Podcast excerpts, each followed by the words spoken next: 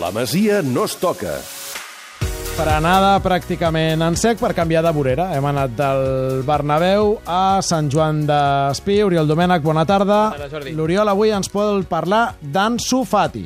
Sí, perquè és un dels jugadors eh, una mica més assenyalats de la cantera del Barça, més privilegiats, més talentosos, que tot apunta que puguin arribar, no et dic al primer equip del Barça, però sí futbol professional.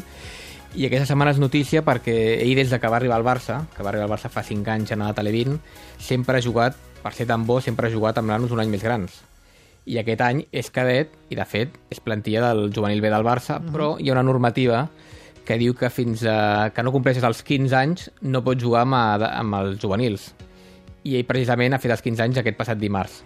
I llavors això és el que ha fet que aquests tres primers mesos encara no pugui jugar amb el juvenil B i que pugui debat, debutar ja eh, amb, l'equip del, amb el seu equip d'aquesta temporada juvenil B a Lliga Nacional demà contra el Palamós. Si no em corregeixes, estem davant d'una norma tan estúpida que impedia a Ansu jugar amb el juvenil B, però hagués pogut jugar, per exemple, amb el primer equip del Barça. Efectivament, sí, sí.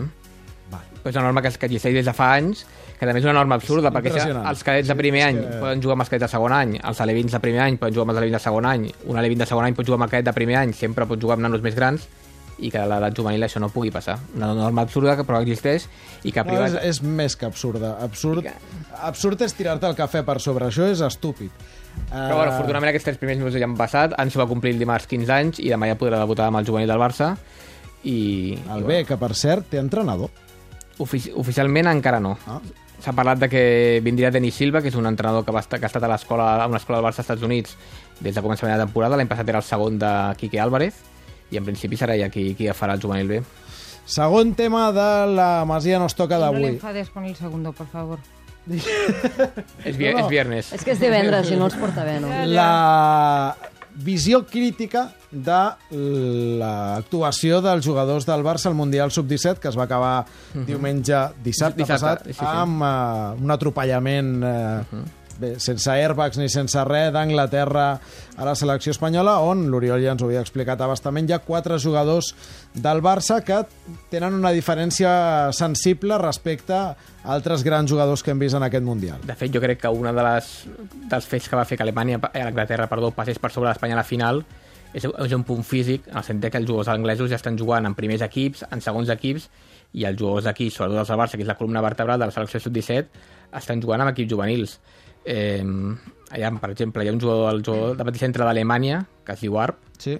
que va tornar al Mundial Sub-17 i dissabte ja va jugar partit de la Bundesliga amb l'Hamburg, va marcar un gol, va passar a la història perquè és el primer jugador millennial en marcar un gol a la Bundesliga uh -huh. i amb la selecció anglesa hem parlat de molts jugadors. Phil Foden ja està amb el primer equip de Manchester City des de l'estiu, Jadon Sancho, primer equip del Borussia Dortmund, i es dona la circumstància que hi ha els quatre jugadors del Barça que han estat a aquest Mundial Sub-17, evidentment cap a passar al primer equip, però només hi ha un al Barça B, i els altres tres I, Juvenil A. i, i en quines condicions haurem de veure el, el Barça? És a dir, per exemple, el, la pilota d'or que va ser Phil Foden, juga amb el primer equip de Manchester City, el pilota de plata, que va ser Sergio Gómez, jugarà diumenge contra el juvenil del Sant Andreu.